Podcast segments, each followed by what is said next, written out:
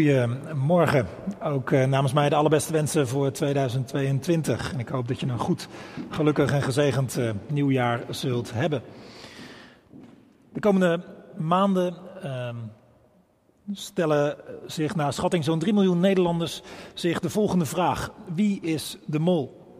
Dit programma draait al 22 jaar, maar met name de laatste jaren zijn er echt veel mensen die de identiteit van de mol uh, proberen te achterhalen. Een vraag waar al veel langer mensen mee bezig zijn, proberen duidelijkheid over te krijgen, is de vraag naar de eigen identiteit. Wie ben ik? Wie zeggen anderen dat ik ben? Wat is mijn identiteit? Misschien heb je deze vraag ook wel gesteld, of stel je hem voortdurend, of speelt deze vraag meer op de achtergrond een rol, bijna zonder dat je het bewust bent. Maar zoals ik ergens op internet op een op het oog serieuze website las, je leven wordt voor een groot deel bepaald door de vraag: wie ben ik? Er zijn drie antwoorden op deze vraag waardoor je je meestal laat leiden. Je bent wat je doet, je bent wat anderen over je zeggen en je bent wat je bezit. Je leven wordt, al dus dit citaat, voor een groot deel bepaald door de vraag: wie ben ik? Want je laat je leiden door het antwoord. Nu kun je die vraag op allerlei manieren beantwoorden. Als je het aan mij vraagt, dan kan ik bijvoorbeeld mezelf definiëren naar mijn familiebanden. Ik ben een zoon, ik ben een vader, ik ben een echtgenoot. Ik kan me ook definiëren naar mijn werk. Ik ben een dominee. Ik kan me definiëren naar mijn geloofsovertuiging. Ik ben christen. Ik kan me definiëren naar mijn afkomst. Een eenvoudige boerenjongen uit Bergambacht. Ik kan me definiëren uh, naar de plaats waar ik woon. Ik ben Rotterdammer. En zo zou ik nog meer kunnen vertellen over mijn karaktertrekken, uiterlijk, mijn leeftijd, mijn vrije tijdsbesteding, over wat ik anderen hoor zeggen over mij. En al die dingen maken ergens onderdeel uit van mijn identiteit. Maar, maar wie ben ik nou echt? Wat is werkelijk bepalend voor mijn identiteit? En waardoor laat ik me het meest leiden? Wat het antwoord dan precies is, dat is nog een stuk lastiger. Dan gaat het een laagje dieper. En in onze tijd en cultuur is het nog niet zo eenvoudig om bij dat laagje dieper te komen. Omdat het nogal onduidelijk is hoe je een antwoord krijgt op die vraag, maar wie ben ik nou echt? Moet je die identiteit ontdekken, vinden? Je zit dan op het spoor van je bent je gene, je bent je brein. En dat suggereert dat er ergens die identiteit voor jou al is dat die al gegeven is, dat die vast ligt en dat je erachter moet zien te komen wat die dan is. Op de een of andere manier. Of, of wordt je identiteit gegeven door anderen? Je, je zit dan op het spoor, je bent wie anderen zeggen dat je bent. dat suggereert dat, dat je bent wat bijvoorbeeld je ouders, je vrienden, collega's uh, zeggen, dat, dat zij het bepalen. Of wordt je identiteit bepaald door de groep waarin je je begeeft? Je, zit dan op het spoor, je bent een groep.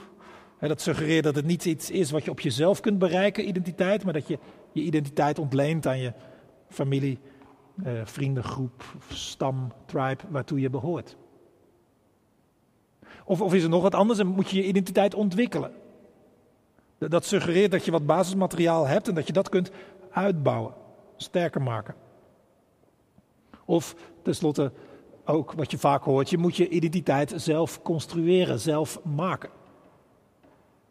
Dat suggereert dat alles open ligt en dat je aan de slag moet om er iets moois van te maken, te worden wat je wilt. Zoals een bekend, populair Kinderen voor Kinderen liedje zingt. En wellicht kun je dan ook nog wel eens van identiteit veranderen als de oude je niet meer bevalt.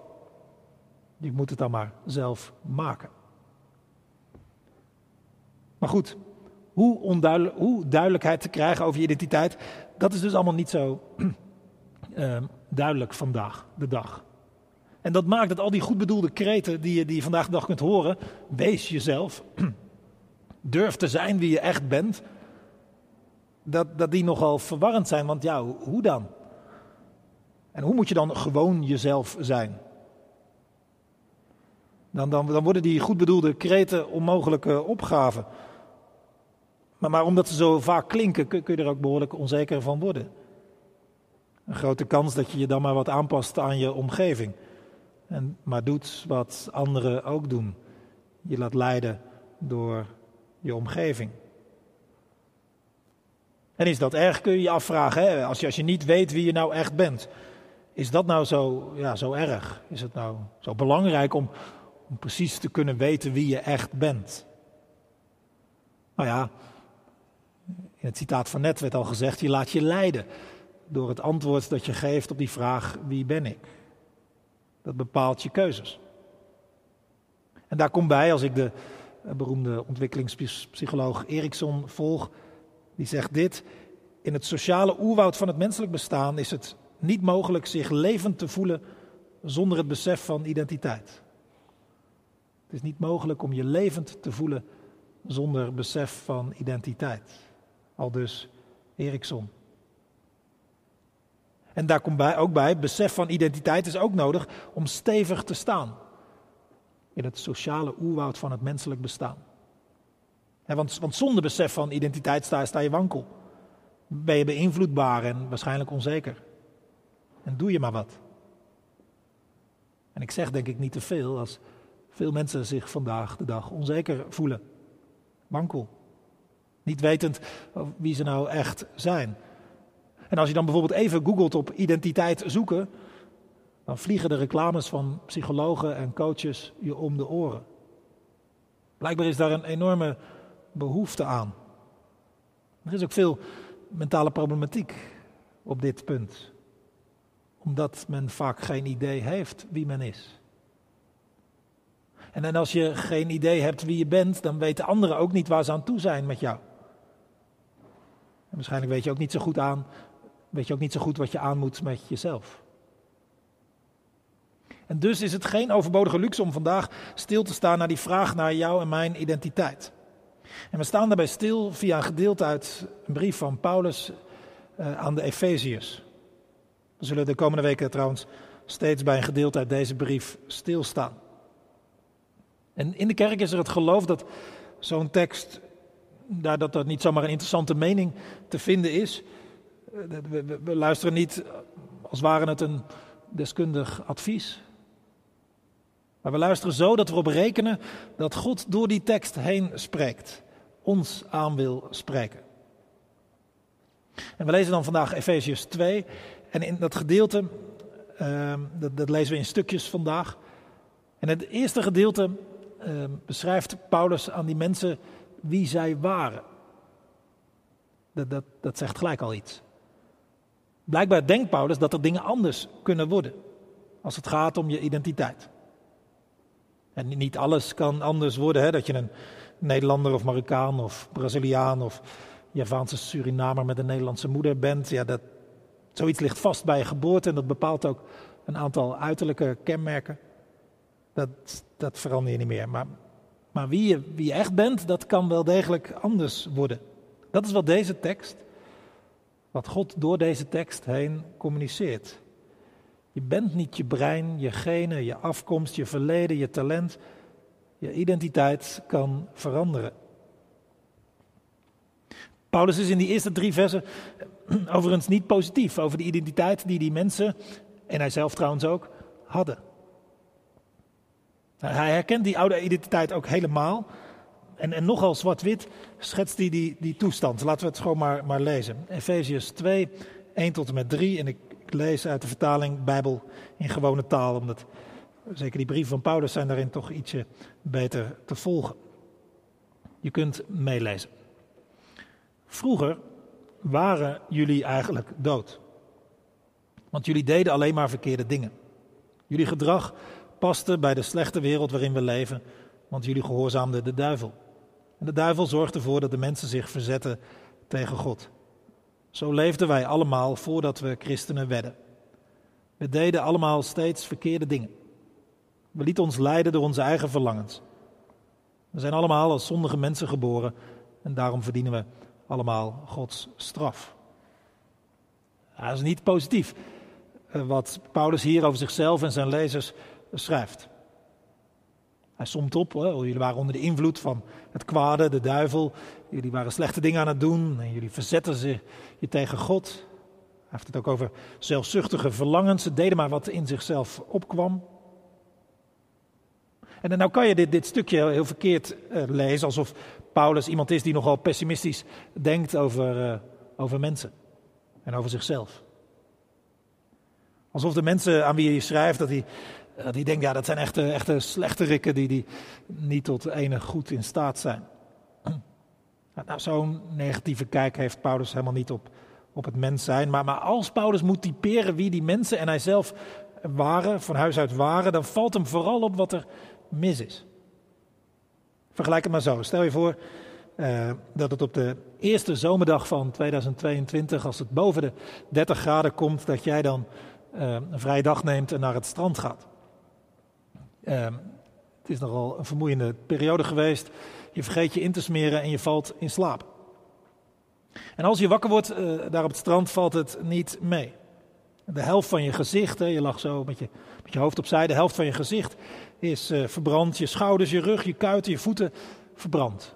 Misschien wel tweede graads. als je dan op de volgende dag uh, toch naar je werk gegaan en je vertelt wat er is gebeurd. Ja, ik heb liggen bakken op het strand en ik ben nogal verbrand. En dan moet je kijken, joh, daarom dit gezicht en zo. Ik heb de hele nacht geen oog dicht gedaan en zelfs als ik mijn arm verschuif doet dat zeer en zo. Ik ben compleet verbrand. Als dan iemand zegt, nou, nou, niet zo negatief, volgens mij valt het wel mee. Hè? Die andere kant van je gezicht zie ik eigenlijk helemaal niks. En uh, volgens mij, als ik zo kijk, je, je handen en je armen, en, valt ook wel mee. En volgens mij, met je buik is ook niet zoveel aan de hand. Dus uh, compleet verbrand, de, niet zo overdrijven. Dat, zijn allemaal dingen die, die echt nog wel goed zijn. Ja, dan snapt diegene natuurlijk niks van. Je zou je zeer miskend voelen. Tuurlijk wel ben je compleet verbrand. En zo is het hier ook. Natuurlijk hadden die mensen ook goede dingen gezegd en gedaan, maar dat is het punt niet. Zoals typerend voor jou was dat je compleet verbrand was, zo typerend was het voor die lezers en Paulus zelf dat ze in hun eerdere leven eigenlijk dood waren. ze, ze zaten op een doodlopende weg, wandelende doden, zich verzettend tegen God en er kwamen slechte dingen uit hen voort. Paulus benoemt dat. Dat is wat opvalt als hij terugkijkt naar hoe het toen was. Ik weet niet of je, of je dat ook herkent als je op jezelf terugkijkt, hoe je, hoe je van huis uit was, of je daarin herkent. Ik, ik vermoed dat allerlei mensen van ons zich daar wel gelijk in herkennen. Dat, dat er een tijd was waarin je gewoon maar deed waar je zelf zin in had, wat toevallig in de lucht zat. Dat deed je en dat er ook ergens een verzet zat, weerstand tegen God. En zonder dat je het wist dat je onder invloed was van slechte krachten. Anderen herkennen dat misschien minder. Maar misschien ben je nooit echt weg geweest van God, hè? dat kan ook. Dat je al van jongs af aan gericht was op, op God en Gods bedoelingen. Maar, maar dan nog kan ik me voorstellen dat je als, je, als je bedenkt dat God er niet was geweest in je leven, dat zijn woord er niet was geweest, dat je je eigen gang was gegaan, dat je dan zomaar een leven had kunnen leiden zoals dat hier geschetst wordt.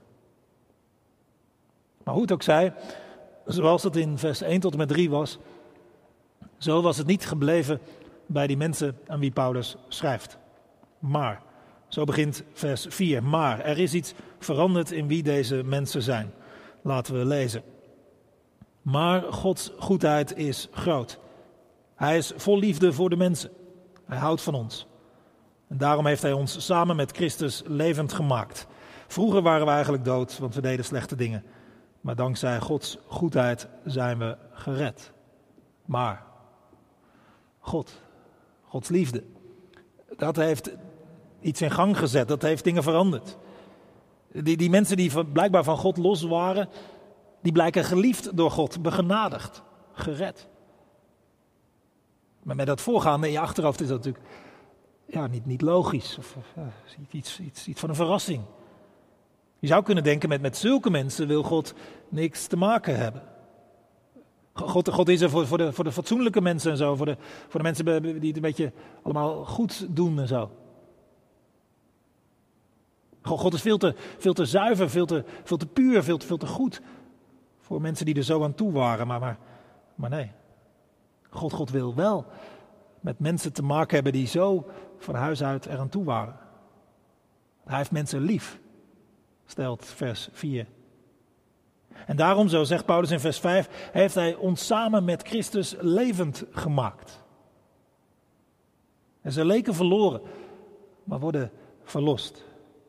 Ze waren geestelijk dood, maar worden levend gemaakt. Ze leken hopeloos verdwaald, maar worden gevonden. Ze leken compleet vast te zitten, maar worden bevrijd. Ze leken te verdrinken, maar worden gered. Allemaal vanwege Gods grote liefde en barmhartigheid. Ik weet niet of je dat herkent. Dat stuk van Gods liefde en barmhartigheid. En dat hij je levend gemaakt heeft. Dat er iets anders is geworden. En dat, God je niet zomaar wat verbeterd heeft. Of dat hij niet wat aan je gesleuteld heeft. Wat, wat hier en daar wat problemen voor je opgelost heeft. Maar dat hij je levend heeft gemaakt. Zo, zo noemt Paulus dat. Zonder God was je een wandelende dode. Geestelijk gezien zat er geen leven in. Maar uit liefde heeft God er weer leven ingeblazen. En dat heeft zo zijn gevolgen. Laten we verder lezen in vers 6. God heeft Christus naar de wereld gestuurd. Hij heeft hem laten opstaan uit de dood. En wij zijn samen met Christus opgestaan omdat we bij hem horen. Eigenlijk zijn we al bij hem in de hemel. Zo heeft God voor altijd en eeuwig laten zien hoe groot zijn goedheid is en hoeveel hij van ons houdt. Wij zijn niet beter dan andere mensen. God heeft ons gered, maar niet omdat we zo goed leefden. We zijn gered omdat we dankzij Gods goedheid geloven in Jezus Christus. Dat is Gods geschenk aan ons. God heeft nieuwe mensen van ons gemaakt. Want door Jezus Christus zijn wij mensen geworden die goed leven. Dat was Gods bedoeling. Daarvoor heeft Hij ons bestemd. Door Gods liefde is het veranderd. Paulus zegt, we zijn nieuwe mensen geworden. Iets anders gezegd, we hebben een nieuwe identiteit aangenomen. En dat, dat doen mensen wel eens als ze een oude leven achter zich willen laten of moeten laten. Dan nemen ze een nieuwe identiteit aan. Soms ook met een nieuwe naam of soms ook met een nieuwe woonplaats of andere omgeving. Nou, nou zoiets is het hier ook. Als je gelooft in Jezus Christus, dan word je een nieuw mens. Je neemt een nieuwe identiteit aan.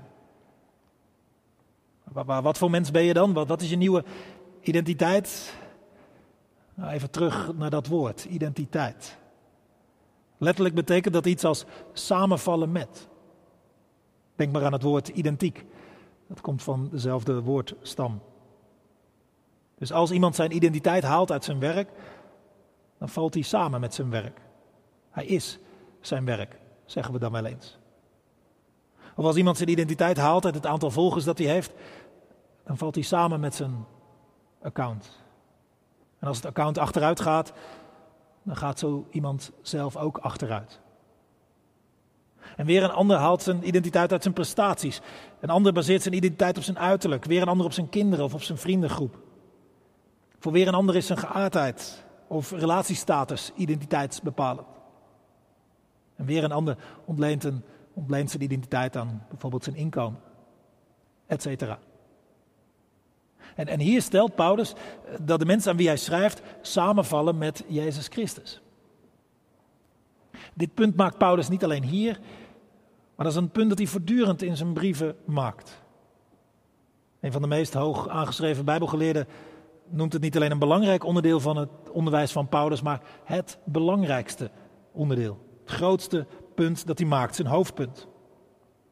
Het zou zomaar het geval kunnen zijn. Want Paulus maakt dit punt vaak in zijn brieven, ongeveer 80 keer. Je zou er trouwens wel zomaar overheen kunnen lezen. Ook al ben je een ervaren Bijbellezer, dan nog zou je er zomaar overheen gelezen kunnen hebben. Want dit grote punt zit namelijk in hele kleine woorden. In voorzetsels, om precies te zijn. Maar als je het eenmaal ziet, dan gaat het je ook opvallen. Dit punt benoemt Paulus namelijk met in Christus zijn. Zo noemt hij het vaakst. Maar hij noemt het in dit Bijbelgedeelte ook samen met Christus. Eh, hij kan het op andere plekken ook hebben over door Christus of van Christus. Het punt is steeds dat als we geloven in Jezus, we op een bepaalde manier gaan samenvallen met Hem. We ontlenen onze identiteit aan wie Hij is en wat Hij heeft gedaan. We zijn in Christus. En dit gaat nog wat verder dan, dan, dan op een enquêteformulier bij een godsdienstige overtuiging christelijk aanvinken. Je bent op een bepaalde manier onlosmakelijk verbonden met Hem. Jezus Christus en jij, dat, dat hoort bij elkaar. Dat krijg je niet meer los. En aan Jezus Christus ontleen je dan je identiteit. Dat heeft drie gevolgen. Allereerst, daar word je meer mens van. Onze eerste reactie is waarschijnlijk het tegenovergestelde. Als, als ik zo onlosmakelijk verbonden ben met Jezus, waar, waar blijf ik zelf dan? Zo, gaat het wel als wij samenvallen met dingen. als je je werk bent, dan depersonaliseert je dat. Oftewel, daar word je minder mens van. En, en als je identiteit samenvalt met een, met een groep waartoe je behoort, dan is ook de vraag waar jij zelf dan precies bent. Als je, als je samenvalt met je Insta-account of, of met je prestaties of met je relatiestatus of een groep, een club, een opvatting over coronamaatregelen of eigenlijk alles in deze wereld, als je daar je identiteit uithaalt, als je daarmee samenvalt, dan word je daar minder mens van, minder menselijk. Maar als je samenvalt met Jezus Christus, dan word je juist niet minder van, maar meer mens. Want als iemand mens was zoals bedoeld was, dan was Jezus het wel. En, Jezus brengt je zogezegd tot je, tot je bestemming, zoals je echt bedoeld bent. Hij maakt je meer mens.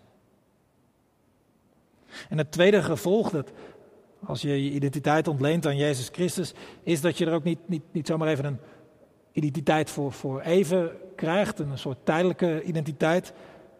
Maar je krijgt een identiteit dat door niets of niemand stuk te krijgen is. Ook een verschil, hè? Je, je, je volgers, je prestaties, je uiterlijk. Op een gegeven moment wordt het minder. Of raak je het helemaal kwijt. In ieder geval gaat het niet eeuwig mee. Maar dat in Christus zijn, dat blijft voor altijd. Niets kan dat stuk maken. Zelfs de dood niet. Want je bent samen met Christus levend gemaakt. Denk nog maar aan dat citaat van Erickson. Zonder besef van identiteit, geen gevoel van leven in dit bestaan. Nou, met Jezus heb je zeker besef van identiteit en zeker gevoel van leven. Je bent levend gemaakt voor altijd. En als derde, als je samenvalt met Christus, als je je identiteit door Hem laat bepalen, dan laat je je daar dus door leiden. En dan sta je ook helemaal voorgesorteerd om het goede te doen. Daar eindigt die, uh, die lezing van ons ook mee. Want je identiteit bepaalt je gedrag. Om wat voorbeelden te noemen, als je jezelf ziet als een crimineel, zul je vast snel de wet overtreden. Als je jezelf ziet als iemand die opgeeft als het moeilijk wordt, dan zul je vast snel opgeven als het moeilijk wordt. Als je je identiteit ontleent aan een bepaalde groep, zul je heel loyaal zijn aan die groep. Als je samenvalt met je werk, dan zul je je werk ook steeds op de eerste plaats zetten. En als je jezelf ziet als een nieuw mens, verbonden bent met Jezus Christus, dat je met Jezus Christus bent opgestaan in een nieuw leven, als je in Christus bent, ja, dan volgt eruit dat je ook op Jezus Christus gaat lijken. Dat je de goede dingen gaat doen die de bedoeling waren, zo eindigt dat gedeelte. Dan komen de liefde van Jezus, de moed van Jezus, de vergevingsgezindheid van Jezus, het gevoel voor waarheid van Jezus, het geven van Jezus, de echtheid van Jezus, het delen van Jezus. Ja, dan komen die bij jou ook. Later in de brief van Efeziërs werkt Paulus dat allemaal nog wat uitgebreider uit, omdat dat, daar die zijn hele brief ook voor geschreven heeft, omdat er allerlei dingen waren bij die Efeziërs die niet klopten, die, die, ja, dat ging gewoon niet goed op een heel aantal punten. En, en daarom schrijft hij ook zijn brief, omdat hij graag wil dat dat anders wordt. Dat ze de goede dingen gaan doen. En daarom begint hij ook hiermee. Om die mensen te helpen om zich goed naar zichzelf te laten kijken. En te weten wie ze zijn in Christus. En als je trouw bent aan die identiteit, als je trouw blijft daaraan, dan sta je daarmee voorgesorteerd om het goede te doen. Oftewel, als ik het samenvat, die nieuwe identiteit, dat samen met Christus zijn, dan word je meer mens van. Daarmee sta je sterker voor altijd. En je staat voorgesorteerd om het goede te doen. Paulus haast zich nog even om er dit bij te zeggen. Deze nieuwe identiteit is niet een verdienste. Dat is niet het gevolg van menselijke inzet of menselijke slimheid. Ook niet het resultaat van een eh, bepaalde opvoeding. Nee, deze nieuwe identiteit wordt je geschonken. Niet dat hij gratis was of goedkoop. Integendeel, Jezus is er voor stuk gegaan, is voor gestorven. Hij heeft geleden om jou en mij dat nieuwe leven te kunnen geven. En wat God betreft ziet hij je dan ook in Christus. Hij, hij, wil niks liever dan dat. Tuurlijk weet God wel hoe het bij jou van nature was. En hoe, van huis uit het ervoor stond. Maar toch wil God je in Christus zien. Want God, voor God is het niet doorslaggevend hoe je was. Maar hij kijkt naar je, wie je bent in Christus en hoe je kunt zijn. Als je, als je dit zou willen, deze, dit, nieuwe leven, dit, dit, geschenk, dit nieuwe mens zijn, dan, dan, dan kun je dit aannemen. Door te geloven in Jezus Christus. Je begint een nieuw leven. Je bent een nieuw mens, geliefd, gered. En als je daar meer van wil weten of dat meer wil ontdekken, dan is de Alpha ook een goede plek om dat te verkennen. Hoe werkt dat dan en hoe zit dat dan en waarom dan? En dan kun je erover ook in gesprek, ik zou het je aanraden. En als je jezelf al zo kent, zo ziet, dan weet je vast ook wel dat, dit, je toch lang niet altijd door laat bepalen. Dat het ook zomaar naar je, naar, naar je achterhoofd verdwijnt. het is goed om dat elke keer weer te beseffen, want ook in het nieuwe jaar zijn er allerlei dingen die ons toegeroepen worden, waardoor we toch weer anders naar ons gaan kijken. Dan laten we ons weer aanpraten dat succes bepalend is voor wie je bent. Of laat je aanpraten dat, dat, dat, dat je bent wat vroeger door je ouders of door je omgeving tegen je is gezegd. Of ga je toch weer denken dat, je, dat die ene opleiding of die ene baan doorslaggevend is voor wie je bent. Daarom zou ik tenslotte dit tegen je willen zeggen. Vergeet dit jaar niet waar je vandaan komt. Maar vergeet vooral niet wat er veranderd is. Vergeet niet wie je echt bent. Want het meest bepalend wie je bent is dat je in Christus bent. En daardoor geliefd, begenadigd, levend gemaakt. En als je daarbij blijft, en als je meer en meer daarnaar leeft, zul je meer mens zijn dan ooit. Meer tot je bestemming komen. En wat er ook gebeurt. Wat je ook verliest dit jaar, wat er ook mislukt, wat er ook misgaat, wat er niet van komt. Niets kan dat veranderen. Want dit ben je echt. Voor altijd. Amen.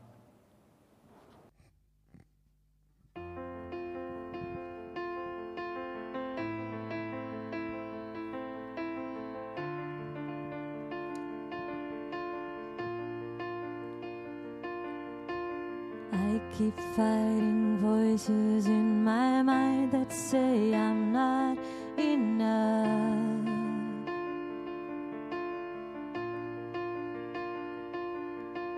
Every single lie that tells me I will never measure up.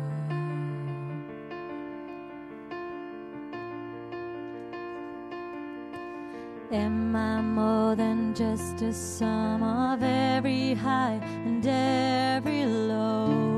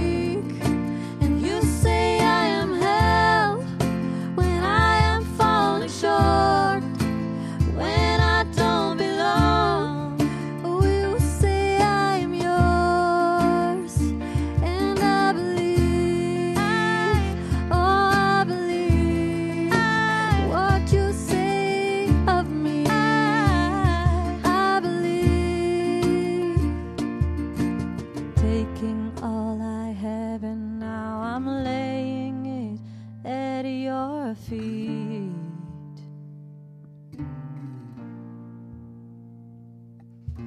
You have every failure, God. You have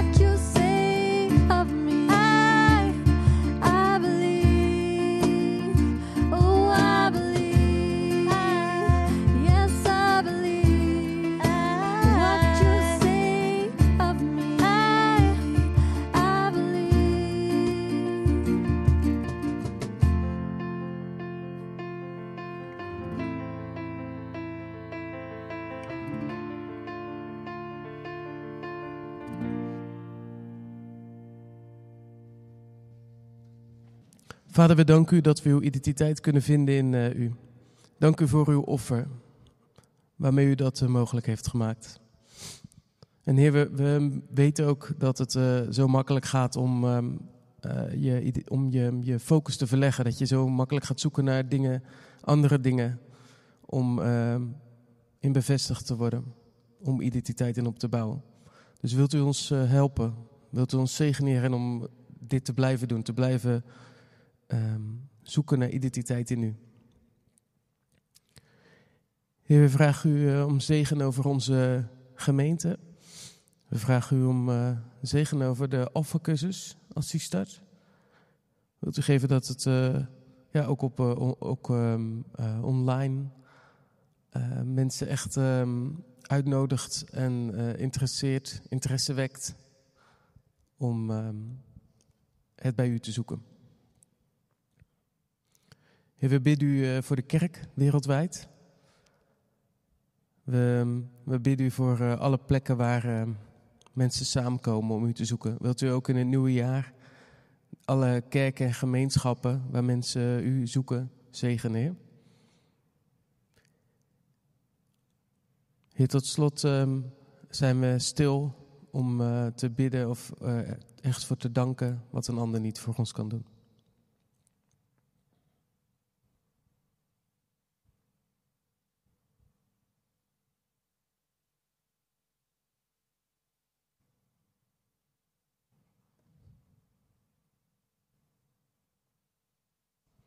Dit bidden we en danken we u in Jezus' naam. Amen.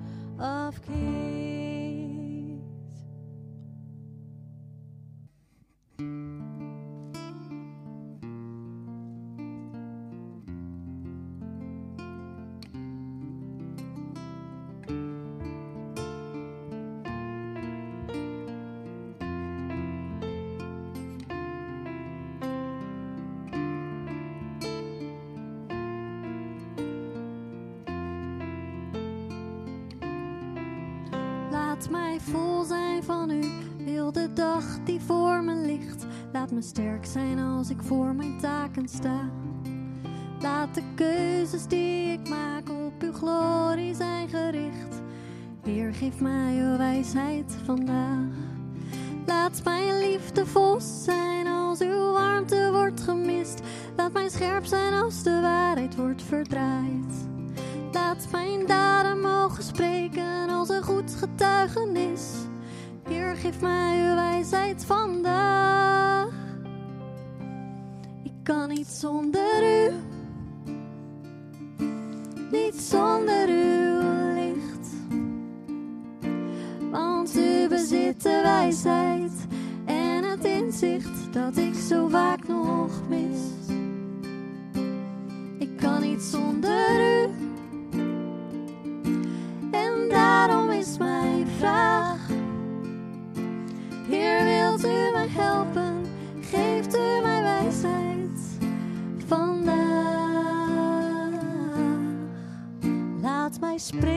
met moed als uw stem niet wordt gehoord. Laat mij huilen als het leed en droefheid vraagt.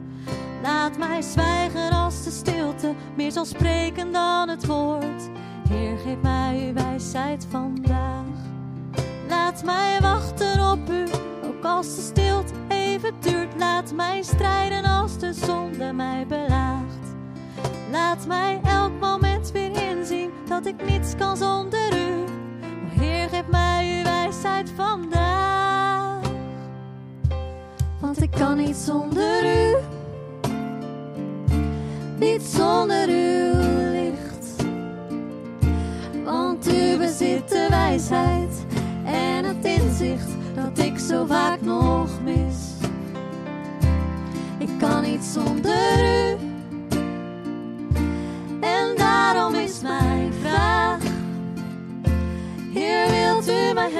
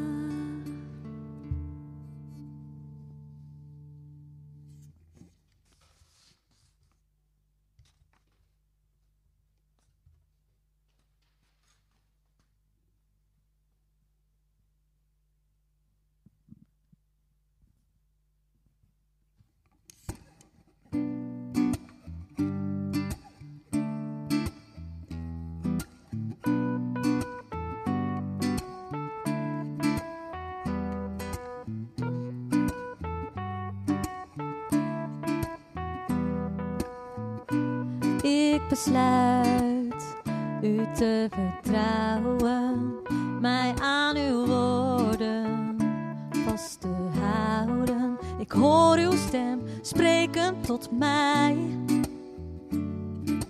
Wees gerust,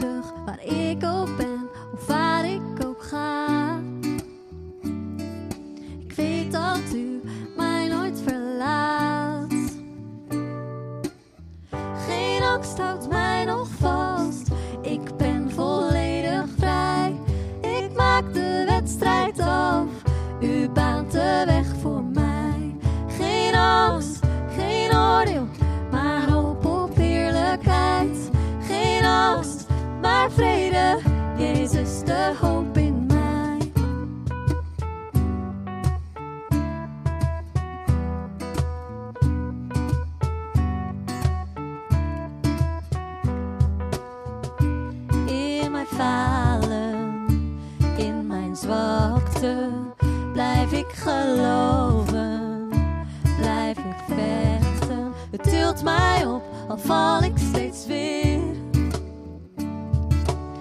ik naar u en wankel niet meer.